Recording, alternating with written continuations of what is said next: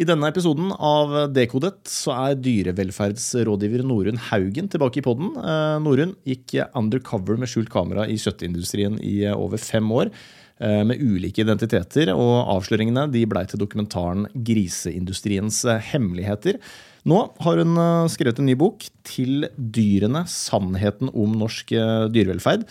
Eh, Og I denne episoden her så snakker vi om, eh, om dyrevelferdssituasjonen i landbruket i dag, og hvordan deler av næringen jobber for å hindre løsninger for bedre dyrevelferd. Dekodet. At det typ tar syv til åtte år i snitt før Mattilsynet avvikler kronisk dårlig dyrehold med gjentagende alvorlig brudd. Dekodet. Du som leser inn selv? Nei, det fikk jeg Ikke- lov til. Nei, gjorde du De ikke det? profesjonell en. Jeg Nei. mm. Så jeg har ikke engang turt å høre på det. Ja, det var litt frekt. Oi, Ja, da sånn er det. Det kommer bli spennende. Det er en over hodet ditt òg, så dette er jo Men de er veldig Den myke, er da. myk. Det går fint. Så da får vi en morsom eh, blooper. Det var, eh, rett og slett. Da føler jeg vi er i gang allerede. Mhm. Eh, dyrevelferden i Norge, april 2023. Hvor er det vi står?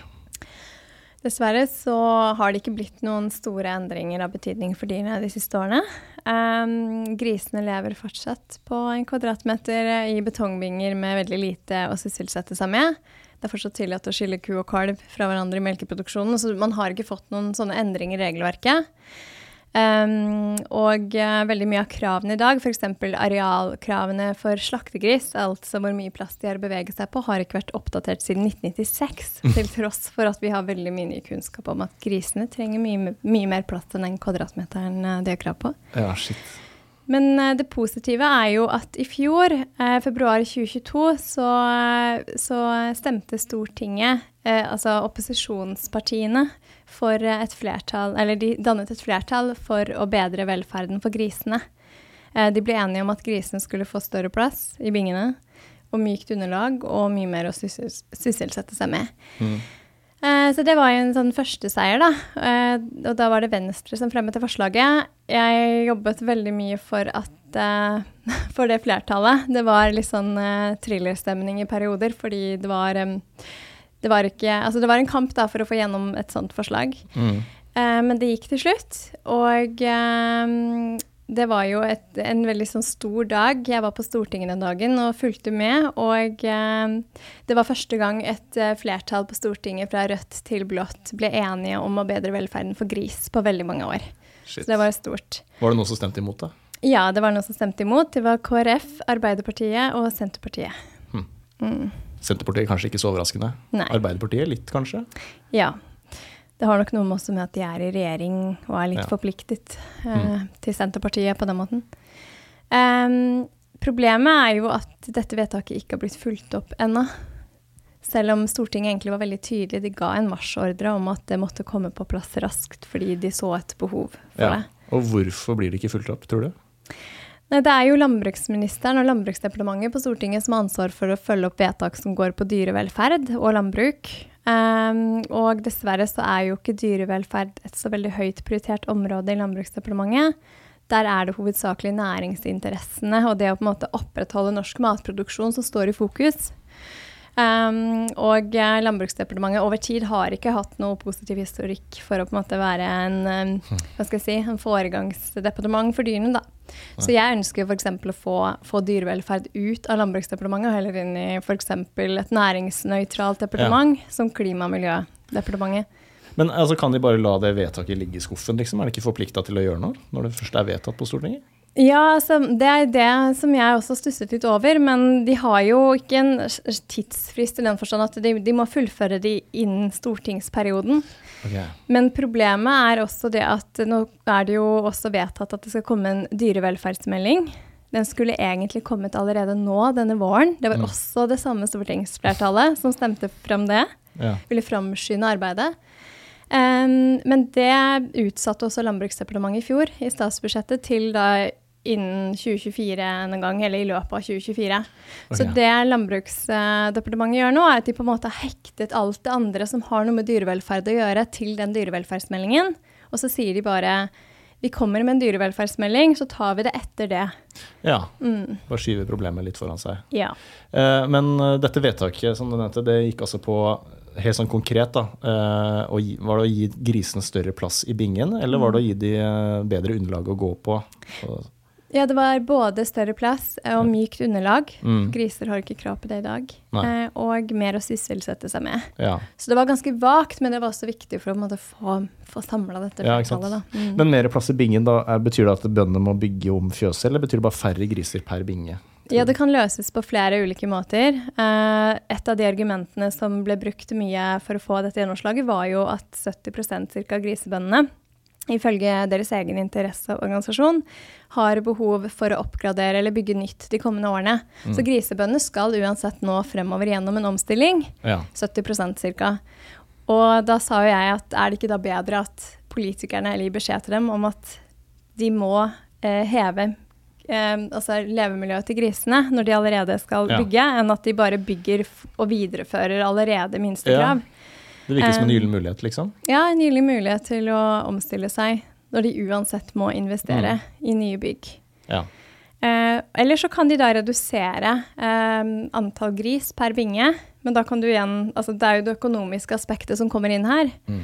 Men eh, igjen, når så mange skal gjennom en omstilling, så hadde det vært positivt å Ja. Og så har du også andre alternativer. Da. Du kan f.eks. ha tallefjøs. Eh, et større rom med mye halm som flere griser kan gå på. Det er en løsning. Og så kan du også legge om til, eller, eller gi grisene tilgang på utearealet. Mm. Og det er en del beregninger som peker på at det kan også være rimeligere enn å bygge nytt fjøs. Da. At man Ja. heller gir grisene tilgang på utearealet til inneare- innearealet. Ja. Men tror du det er en risiko for at dette bare treneres ut og ikke blir noe av det i det hele tatt, eller tror du at dette kommer til å bli implementert på et eller annet tidspunkt? Jeg tror at frem til dyrevelferdsmeldingen kommer, eh, en eller annen gang i 2024, så tror jeg dessverre ikke det ser så lyst ut. Eh, jeg og noen opposisjonspartier har allerede prøvd å pushe Landbruksdepartementet litt i den saken der, men det er det samme svaret som alltid kommer. Vi må vente på dyrevelferdsmeldingen. Mm. Mm. Shit. Eh, ok, Så Landbruksdepartementet det er én del av næringen. eh, og så mm, er det det Mattilsynet, eh, som ikke er en del av eh, kjøttnæringen på den måten. Eller det er på en måte det, for de står i en slags spagat, gjør de ikke det? Er det riktig å si? At de, på- den ene siden så er det tilsynsorgan som skal jobbe for, dyr, dyrenes, eh, for dyrevelferd. Da. På den andre siden skal de ivareta næringens interesser. Eh, du skriver litt om det i boka. Ja, jeg har eh, dedikert et kapittel til Mattilsynet i boken. Eh, jeg har fulgt med på Mattilsynet i nå er det vel eh, ja, snart ti år.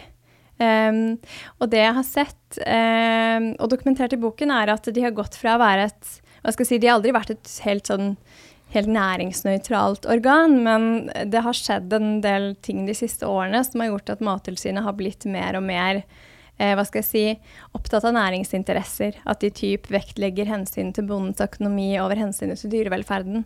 Og dette gjelder jo ikke inspektørene. Eh, det er veldig tydelig på at de gjør en, så godt de kan når de er ute på tilsyn. Dette her handler om ledelsen og hva, de, eh, hva slags styringskrav de får fra Landbruksdepartementet, som Ja. eier eierdepartementet til Mattilsynet. Ja, det er sånn, ja. Så Landbruksdepartementet er øverst, og så er Mattilsynet en del av Landbruksdepartementet. Ja, Ok, riktig. da skjønner jeg.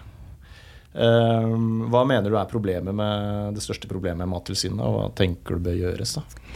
Jeg tenker at eh, det kan starte med det som bør gjøres. Mm. Eh, det er jo at Mattilsynet bør splittes opp, eh, slik at vi får et eh, dyrevelferdstilsyn som legges under et næringsnøytralt departement, typ Klima- og miljødepartementet. Det er også Veterinærinstituttet nå, eh, nei, Veterinærforeningen, beklager, eh, også skrevet i sitt høringsinnspill til dyrevelferdsmeldingen. At man ser at det å ha det i et så næringsavhengig departement kan gå utover dyrevelferden, Mm. og at det kanskje kan være best å flytte ansvaret for forvaltning og regelverk. Ja. Um, så det tenker jeg er veldig nødvendig for at Mattilsynet skal unngå å komme i denne interessekonflikten. For det hjelper ikke måte, hva Mattilsynet bestemmer seg for å gjøre hvis de har et styringsdepartement som ber dem om å f.eks. samarbeide framfor å bruke sanksjoner når de avdekker lovbrudd. Eh, og så har Mattilsynet vært under et enormt press, spesielt etter den Rogaland-skandalen i griseindustrien i 2017-2018, hvis, eh, hvis man husker hva det var. Det er eh, at Mattilsynet avdekka omfattende lovbrudd på flesteparten av um, gårdene i Rogaland, slaktegrisprodusentene. Og eh, det ble veldig mye ramaskrik i media, og Mattilsynet lot media få innsyn i bilder fra, fra, disse gårdene, som var utrolig eh, sjokkerende for mange. Eh, og etter det så har det på en måte tilspissa seg en slags konflikt mellom Mattilsynet. Det er der jeg har sett tilbake og ser at det skjer et skifte der Mattilsynet begynner å bli litt mer redd for å bruke sterke virkemidler. Mm. Eh, at de er mer tilbakeholdne med å gi innsyn i bilder. Mm. Um, og jeg fikk jo også avslag på bilder en gang med den begrunnelsen at bildene kunne vekke negative reaksjoner i befolkningen. Ja, okay. um, og fra en saksbehandler at vi har fått innskjerpet å være restriktive med å gi ut bilder. ikke sant? Så det har vært ja. noe Yes. Ja.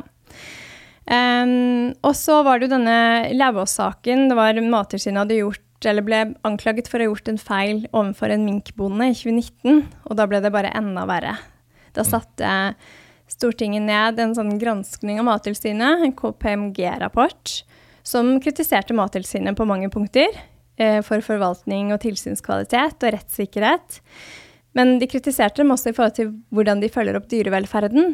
Og parallelt med den rapporten kom det også en rapport fra Riksrevisjonen som også eh, var veldig bekymret for at Mattilsynet ikke var i stand til å følge opp dyrevelferden, og at det typ tar syv til åtte år i snitt før Mattilsynet avvikler kronisk dårlig dyrehold med gjentagende alvorlige brudd. Ja, såpass langt.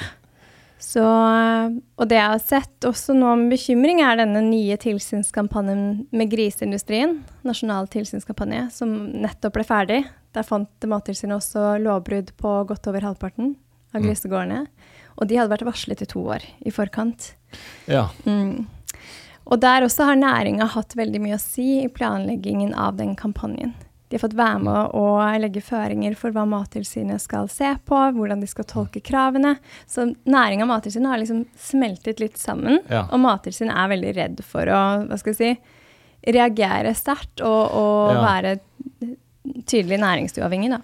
Shit, det er en mm. litt uh, ja, crazy situasjon, egentlig. Eh, var det ikke en sak for litt siden også, sånn intern konflikt, om ikke konflikt, men at det var en del som jobbet i Mattilsynet som rapporterte om at det var um, uholdbare arbeidsforhold. Altså, de, ikke, de, har ikke kontroll på situasjonen, på en måte, og de rekker ikke å gå rundt og, og sjekke gårdene, rett og slett, for det er for lite ressurser og for mye press? eller sånn. Ja, det er helt riktig. De har jo fått en del kutt, og de har fått mange flere oppgaver mm. i Mattilsynet. Så de stakkars inspektørene de, de, er jo overarbeidet, og de vet om dyr som lider, og de får ikke dratt på tilsyn. Og så har man også redusert denne ordningen med dyrevernnemndene, som var veldig viktig som en avlastning for inspektørene. De mm. kunne dra på, Det var lekfolk med opplæring som kunne dra på tilsyn for Mattilsynet. F.eks. følge opp bekymringsmeldinger. Okay. Og det har blitt strammet inn på deres mandat, noe som har resultert i færre tilsyn og at færre bekymringsmeldinger følges opp, og mer arbeid på inspektørene. Og det er strammet inn fordi det er for lite ressurser? eller det er mindre ressurser? Nei, det ble strammet inn etter den ene saken der Mattilsynet angivelig skulle ha gjort noe feil. Oh, ja, det var ja, da. For det var en fra dyrevernnemnd som ble anklaget for å gjort feil.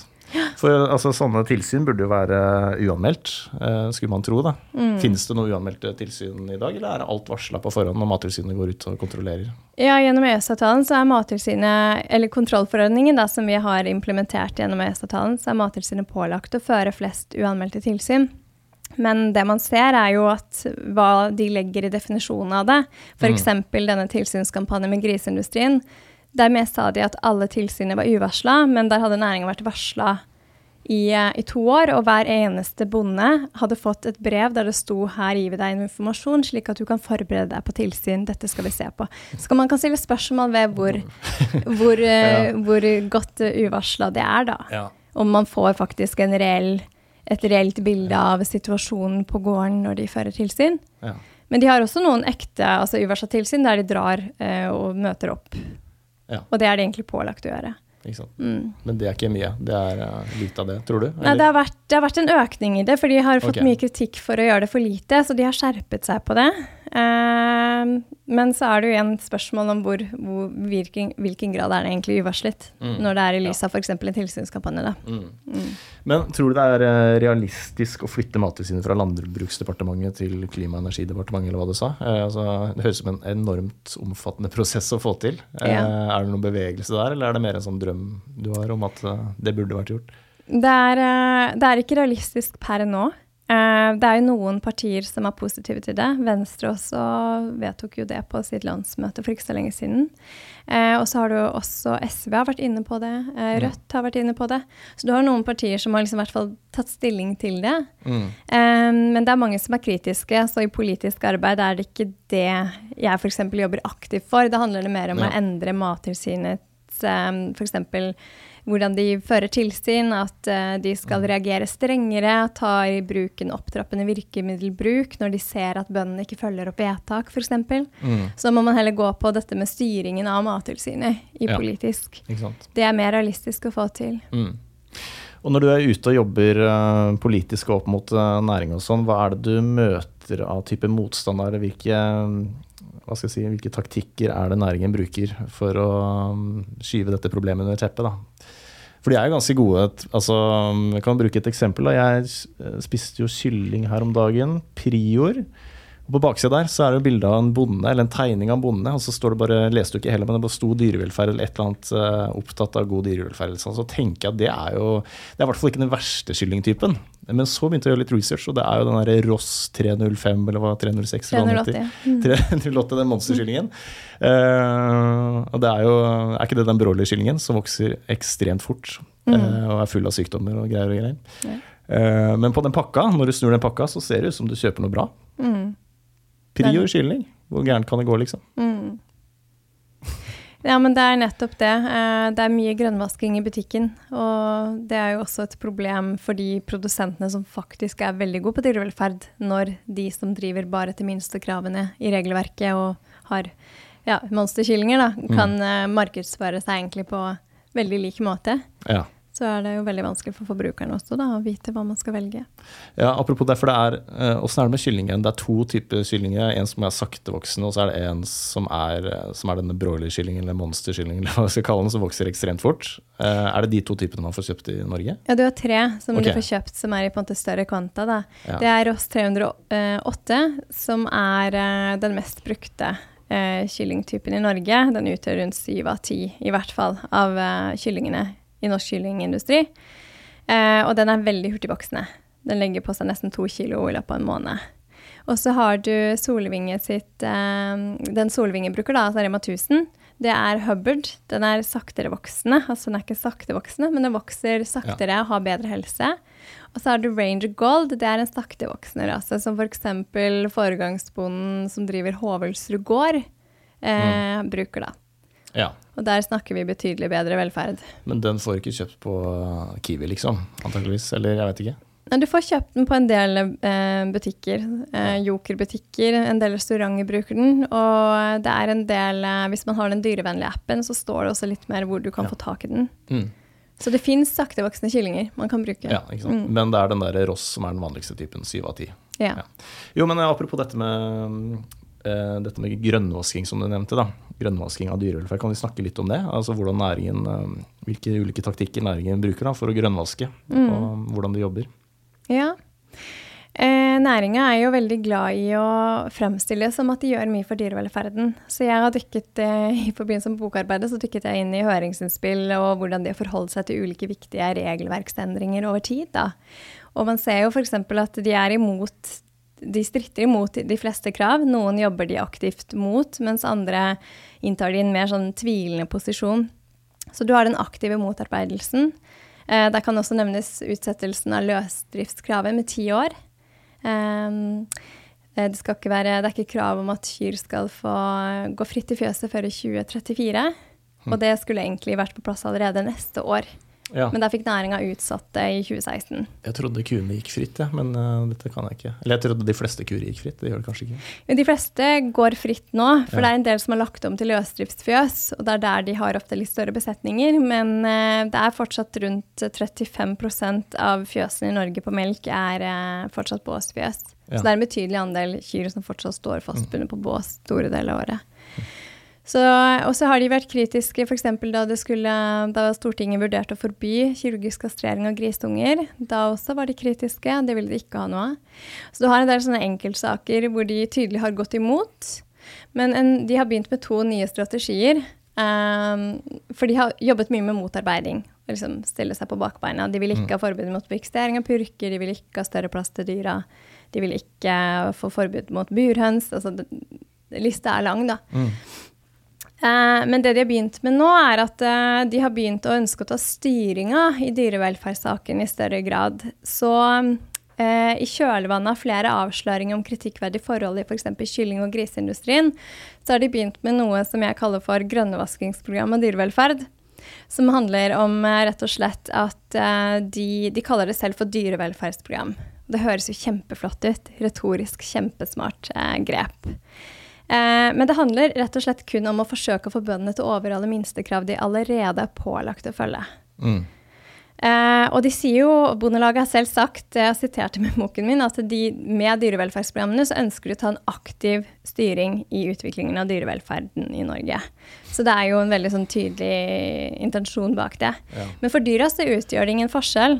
Du kan være en bonde som er tilsluttet et såkalt dyrevelferdsprogram og fortsatt ha eh, slaktegrisene på en kvadratmeter med betong. Ja. Du kan være en melkebonde som er tilsluttet det programmet og fortsatt skille ku og kalv fra Mm. hverandre etter fødsel. Så det handler kun om å følge minstekravene, og at de skal ha veterinærbesøk i ny og ne som går gjennom eh, besetningen. Men der har man også funnet veldig avvikende tall, der veterinærene på gris sa at de ikke fant avvik på flesteparten av gårdene. Så fant jo Mattilsynet at de fleste, eller store, godt over halvparten, hadde lovbrudd. Ja. Så hvor redelig de eh, inspeksjonene også er, kan man jo stille spørsmål ved. ja, ikke sant. Uh, og var det ikke noe med at Mattilsynet hadde funnet brudd på majoriteten av de gårdene de hadde besøkt, og så sier Landbruksdepartementet eller Bondelaget eller jeg husker ikke hvem det var, men at majoriteten eh, driver sånn som skal, bønder skal drive. Da. Ja. Eh, så det er jo ren løgn, egentlig. Det er ren løgn, og landbruksministeren også var nylig ute og sa at de aller fleste sitat, driver veldig, veldig bra. Og det var etter hun hadde blitt presentert for at eh, seks av ti grisebønder hadde eh, brudd på Ja. helt minimumskrav, som bruker strø. Ikke sant? Ja, ikke sant. Man skulle tenke at hvorfor bryte det kravet? Og gi grisene litt sagflis i Ja. ringen. Det er snakk om en sånne minimumstiltak for at de skal få tilfredsstilt bitte lite grann av atferdsbehovene sine. Kan det mulig koste så mye, eller det vet ikke jeg noe om, men jeg kan ikke se for meg at det er en Nei, strø er, ikke, strø er ikke den største utgiften i griseproduksjonen. Men det lurte jeg på sist også. Hvorfor setter næringa seg på bakbeina? Hvorfor er det så anti? Hvorfor jobber de så imot, eh, mot deg, da, for å si det rett ut? Ja, jeg har stilt meg selv det spørsmålet, fordi en sak som godt illustrerer det, som er litt sånn oppfølger også fra, fra hvordan de jobber med å motarbeide dyrevelferd, det er jo dette med dyrevelferdstilskudd. Eh, Jeg jobber f.eks. For, for at bønder som driver godt over minstekravene, skal få litt ekstra i tilskudd, og at man også kan bruke, vri tilskuddsordningene ordningene, slik at det kan stimulere flere til å tørre å satse litt. ikke sant? Og det er jo veldig positivt, for da skåner man bondens økonomi samtidig som dyrene kan få det bedre. Men det har ikke næringa vært spesielt positive til. Eh, og det de gjorde i fjor, i jordbruksoppgjøret, var at de plutselig krevde at dyrevelferdstilskudd skulle brukes på at bøndene skulle overholde minstekravene. Oh, ja. De ville gi et flatt tilskudd til alle bøndene ja. for å følge det såkalte grønnvaskingsprogrammet grønnvaskingsprogrammet deres da, dyrevelferd. Så da er det ikke noe insentiv til å drive enda bedre. Da er det bare sånn Ja, Gjør du minstekravene, liksom- skal du premieres med en liten sum. Ja, og i hvilken annen bransje Ja, vil kreve det for å følge loven, så skal vi få ekstra betalt. ikke sant. Men det er helt ufattelig, da, for det, det har ikke noe å si for næringen eh, sånn sett. Da, at det er enkelte foregangsbønder som får litt ekstra subsidier fordi de tør å kanskje bygge om fjøset litt. Eller det er jo ganske store omveltninger som kanskje må til da, for å få til det her. Eh, og at du da blir premiert med litt uh, subsidier. Det er ikke næringen interessert i. Nei, de ville som sagt bruke det dyrevelferdstilskuddet på å følge lovverket, i minstekravene. Og da, det var som, som jeg omtalte som den gang, var liksom at jeg følte at de kuppet et av de viktigste dyrevelferdsforslagene til Ja. den siden jeg representerer, da, dyrevelferdssiden. Eh, heldigvis eh, ble det ikke noe av eh, i fjor, men jeg frykter jo at de vil prøve seg på nytt i år Mm. på det. Og jeg, jeg skal ikke spekulere så altfor mye, men det jeg tror det handler litt om, dette her med at man liksom vegrer seg fra altså, å anerkjenne at noen driver bedre i landbruket, er at altså, landbruket lever veldig på dette omdømmet at alle driver bra. Er du et dyr, et norsk fjøs, så skal du ha det bra. Eller da har du det bra. Mm. Men med en gang man begynner å differensiere ulike produksjoner, og snakke om melkebønder som har ku og kalv sammen, og melkebønder som ikke har det, så begynner man på en måte å skille bønder. Man snakker om et A- og B-lag. Ja. Og det er det noe av det verste landbruket vet om. Å Ja. snakke om dem som en em, heterogen gruppe og ikke en Mm. homogen gruppe, kan du Ikke si. Så jeg tror det henger litt sammen med det òg. Uh, særlig fordi de er så kritiske til å bruke dyrevelferdstilskudd på de som går foran. Ja. Shit. Da kommer man jo aldri noen vei, da. Hvis de ikke starter med å anerkjenne at noen eh, driver faktisk eh, på en bedre måte enn andre. Ja, for de er jo så kritiske til f.eks. dyrevelferdsmerking. Ja. Det vil de heller ikke ha. Og det tror jeg også handler om da differensierer man. Man tar opp nyansene mellom de ulike produksjonene. Noen driver objektivt sett bedre enn andre, Mm. og det vil man på en måte ikke anerkjenne. Ja. Nei. Det Det er, er- jeg syns det er rart. Eh, Men det, det vi snakker om nå, er jo type minstekrav. Og det der nye vedtaket som, eller det som ble vedtatt på Stortinget. eh, Det handlet jo også om, da, om litt større plass for grisene. eh, Litt bedre underlag. At de blir stimulert i litt større grad. Men eh, det er jo ganske langt derfra til hvordan en gris faktisk bør leve da, for å leve ut sine artstypiske behov osv. Mm. Den bør jo være ute. Mm. Eh, og for å komme dit så snakker vi om ganske store omveltninger. da. Mm.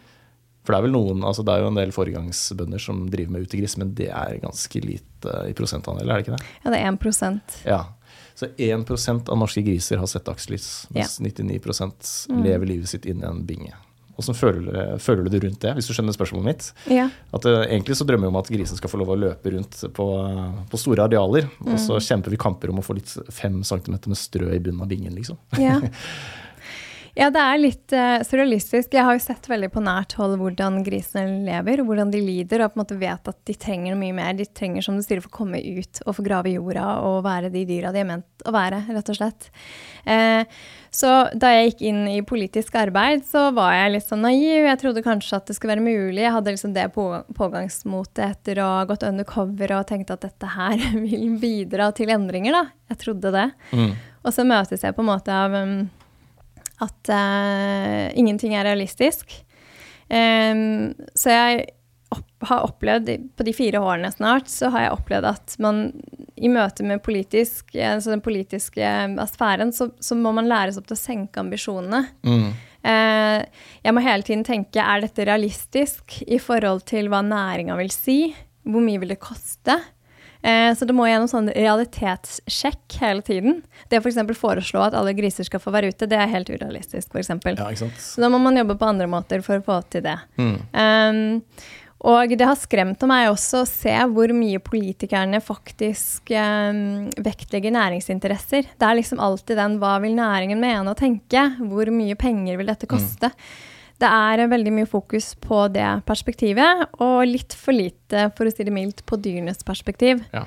Eh, så det handler jo både om å få politikerne til å forstå alvoret, at dyrevelferdsproblemene er reelle. Det finnes jo masse forskning, bare fra Ås, liksom, på NMU, om hva som grisene trenger for å leve bedre liv. Mm. Så det mangler ikke på kunnskap. Ikke sant? Det handler jo på vilje, og Ja. at man bare må omstille seg litt og være litt uredd. Man må tåle å bli litt upopulær i næringa noen ganger. Man kan ikke alltid em, ta det de sier for god fisk, og, og, og følge deres råd. Så det er en sånn dragkamp som er veldig urettferdig, kan du si, der man på den ene siden um, jobber for dyrene, og på den andre siden må man også forholde seg da til en jeg vil kalle det lobby, som er kjempesterk, og som har stor tillit blant politikerne. Um, og jeg tok jo meg selv i det da jeg jobbet for at purker skulle få krav på ei liggematte i fødebingene. Et lite tiltak som ville bedret velferden deres. Og eh, det i seg selv er kjempevanskelig. Det er en kamp. Jeg jobbet seks måneder i fjor på at det eh, forslaget da ikke skulle bli kastet bort. Ja. Fordi Mattilsynet sammen med Landbruksdepartementet valgte å fjerne det som et forslag i en ny, ut, eh, en ny forskrift. Så da var det seks måneder der alt egentlig handlet om å jobbe for å få det kravet inn igjen i forskriftsutkastet. Ja. Og fikk du det inn igjen? Ja, det kom inn igjen i november. Ja. Og da måtte jeg gråte noen gledestårer. ja, for det var mitt neste spørsmål. Du klarer å glede deg over de små seirene. Ja. Som en gummimatte, liksom. Og litt halm. Ja, jeg, jeg blir veldig glad, men så tenker jeg alltid hva er det neste? Ja. Fordi jeg vet at det er ikke godt nok. Og jeg blir glad for det, men samtidig så er det jo også surrealistisk å gå fra undercover, hvor man liksom har gjort så mye uh, og sett så mye lidelse, og plutselig så sitter man der og kjemper om at purkene skal få en gummimatte. Mm. Når man tenker litt etter det, så Ja. blir det ganske surrealistisk. Ja. ja, det skjønner jeg. Mm. Det er surrealistisk å høre på også. Men jeg bare jeg lurer på, fordi folk som ser den uh, griseindustriens hemmeligheter da, og ikke blir berørt, er jo antageligvis psykopater eller et eller annet galt. Og jeg tror de fleste som har sett den, uh, har blitt berørt. da. Og jeg tror altså folk Det er ikke onde mennesker i Bondelaget, det er ikke onde mennesker i Landbruksdepartementet. Bøndene er Et godt råd fra Apotek 1. Når du skal kose deg i solen, er det viktig med god solbeskyttelse. Hodeplagg og skygge hjelper, men vi trenger også solkrem. Vi har ansiktssolkremer tilpasset ulike hudtyper. Har du f.eks. tørr, fet eller normal og kombinert hud, finner du solkremer spesielt tilpasset deg og ditt behov. Kom innom og få råd på ditt nærmeste Apotek 1, eller chat med oss på apotek1.no. Apotek 1. Vår kunnskap, din trygghet. Hva er, det som, har gått gærent, liksom? Hva er det som har skjedd? Hvordan har det gått så gærent?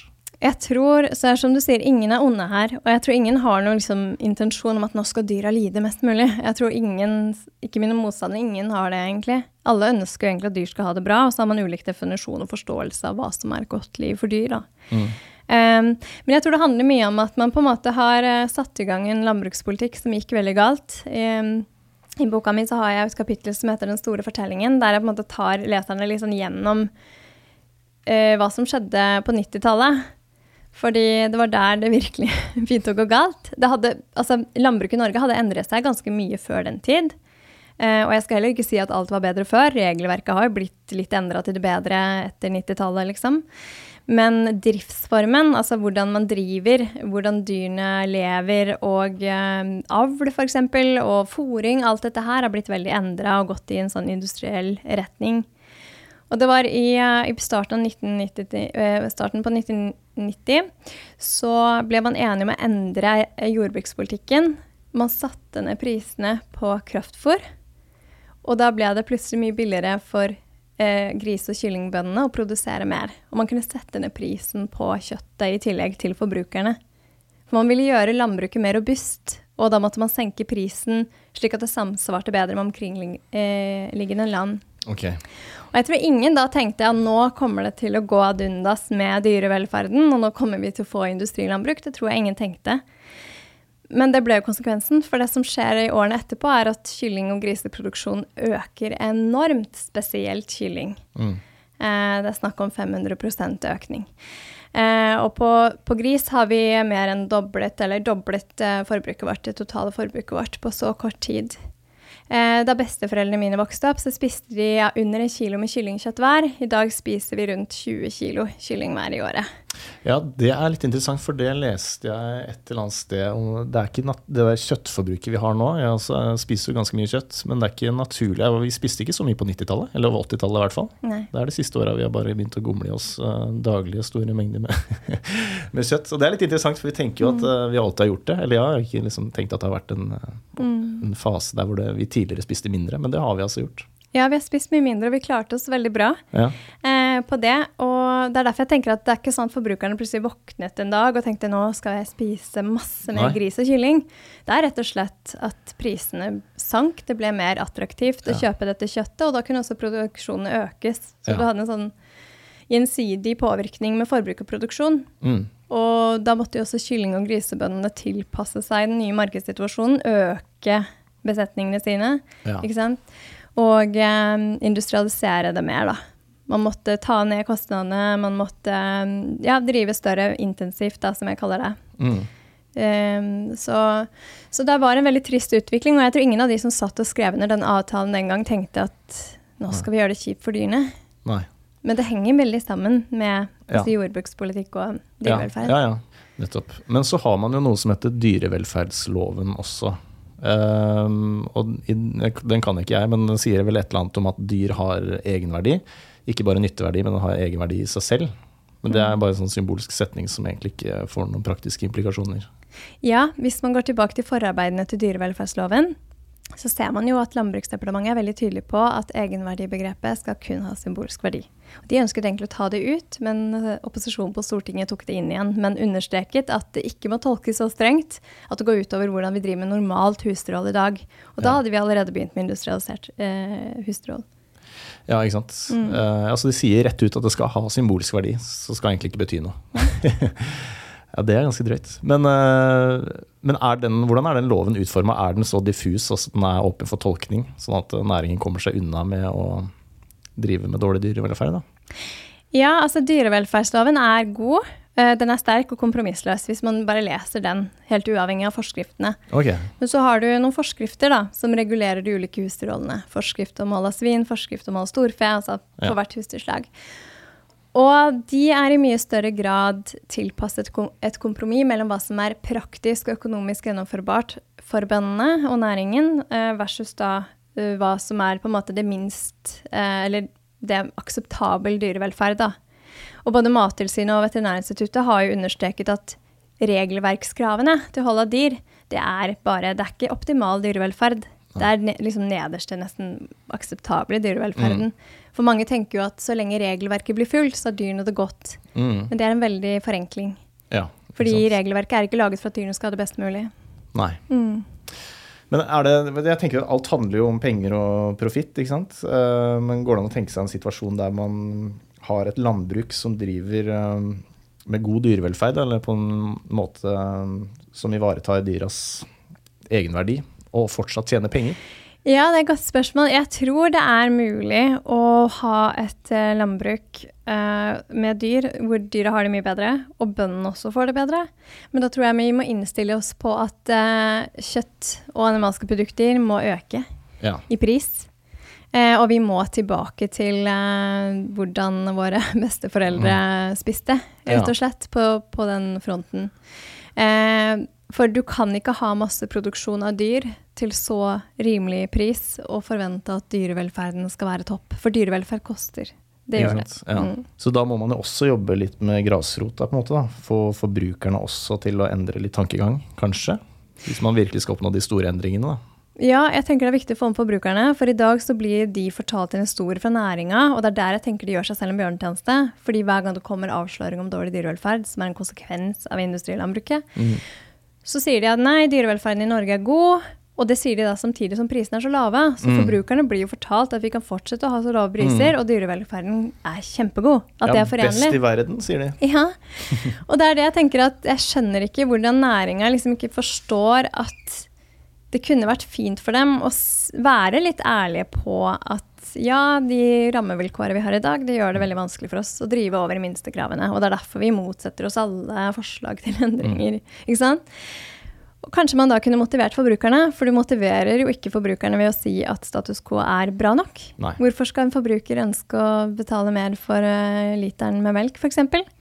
Så man må få på plass noe som stimulerer forbrukerne. De må få vite hva de betaler for. Mm. Um, jeg tenker jo redelig merking er viktig. da, At forbrukerne kan vite jeg har ku og kalv fått være sammen.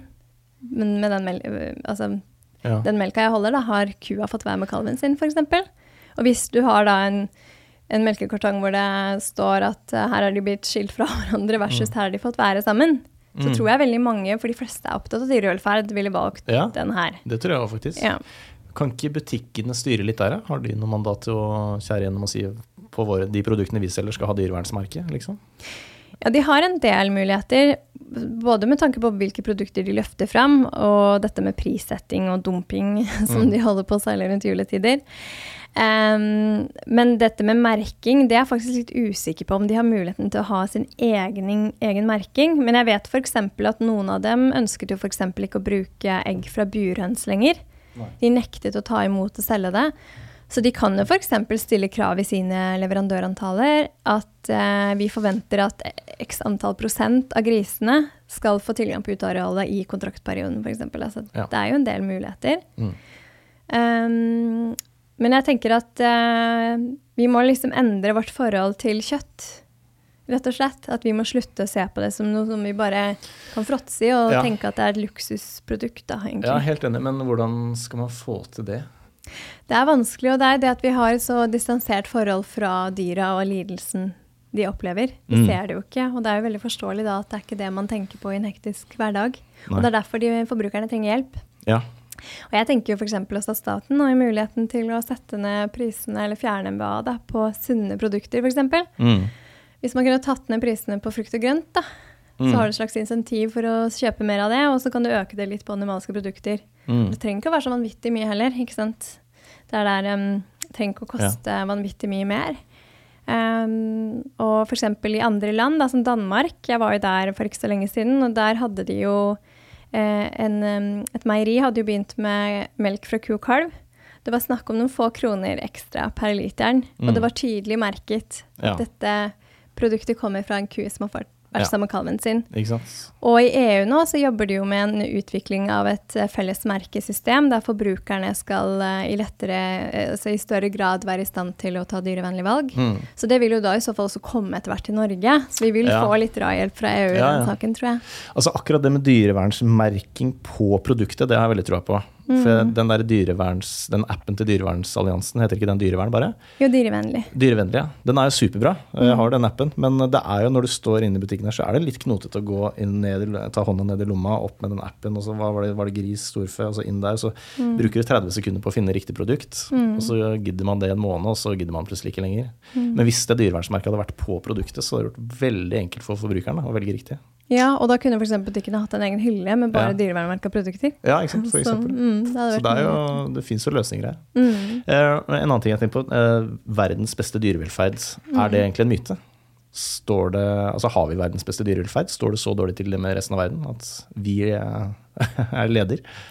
Det jeg har gjort, er at jeg har sett på regelverket i andre europeiske land og sammenlignet det med norsk regelverk.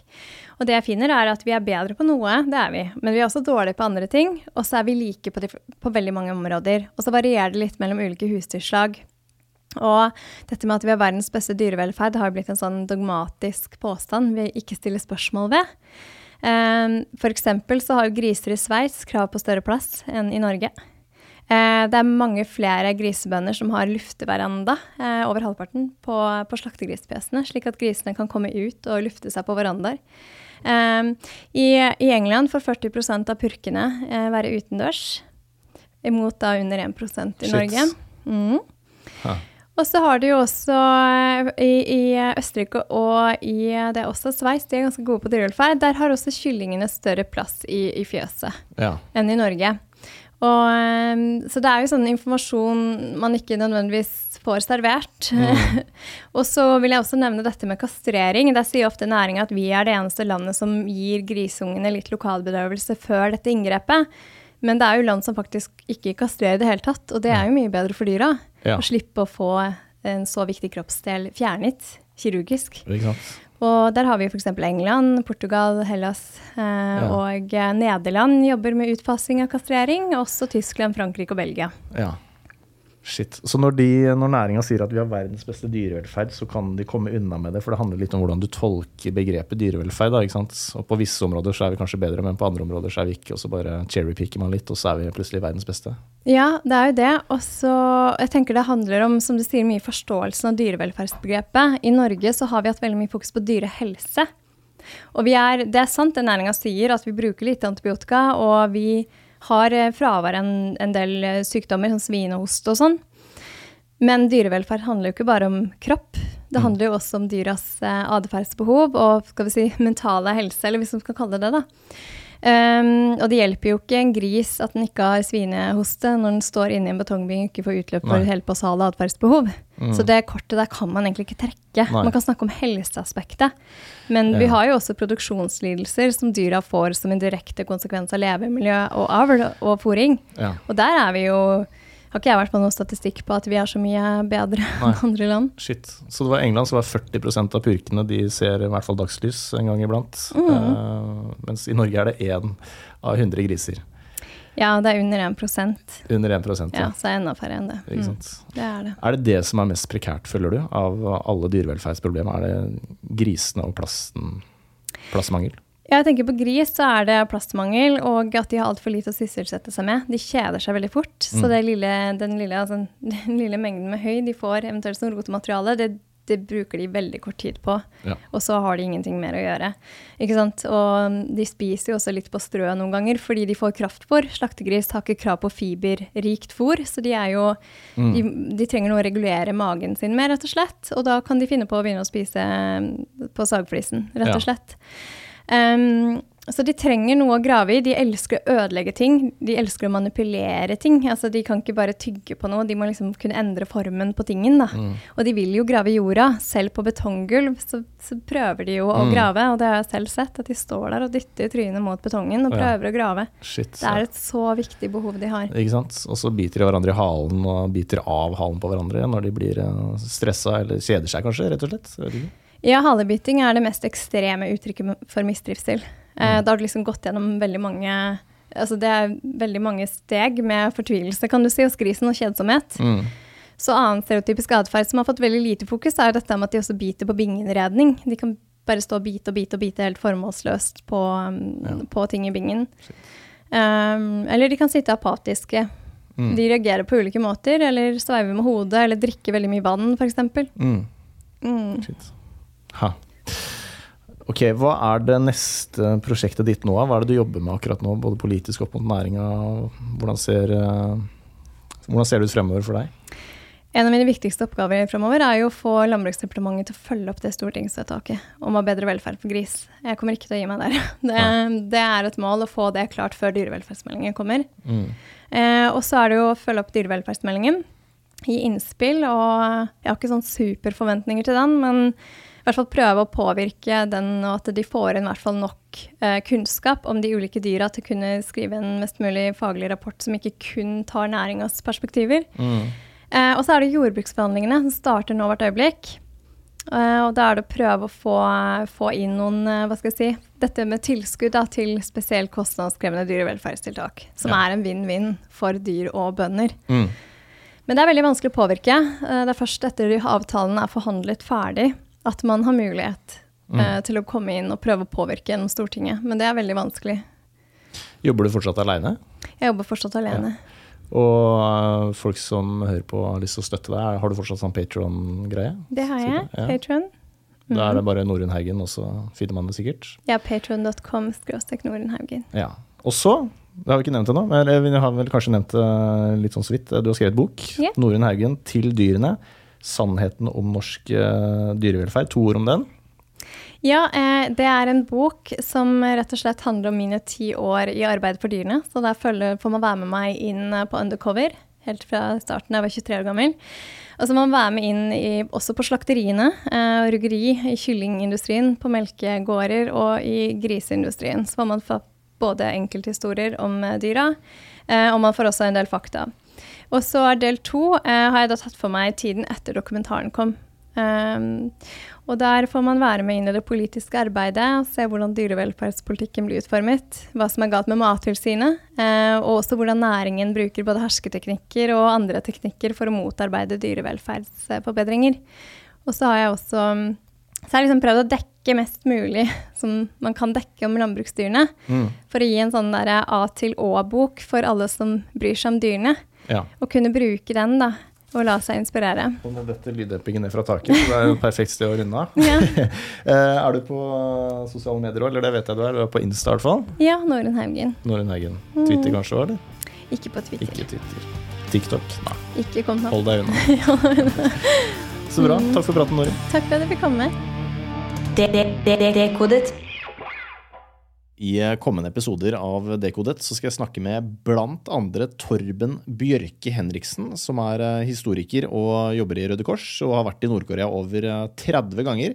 Og da skal det naturligvis handle om, eh, om Nord-Korea og den eh, humanitære situasjonen der.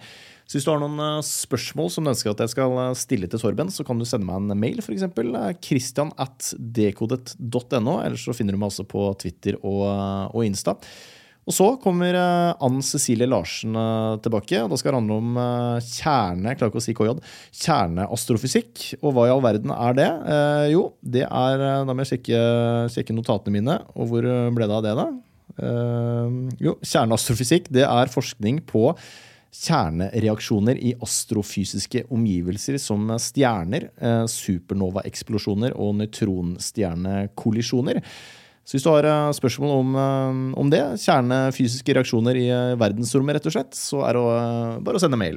Kristian at dekodet.no.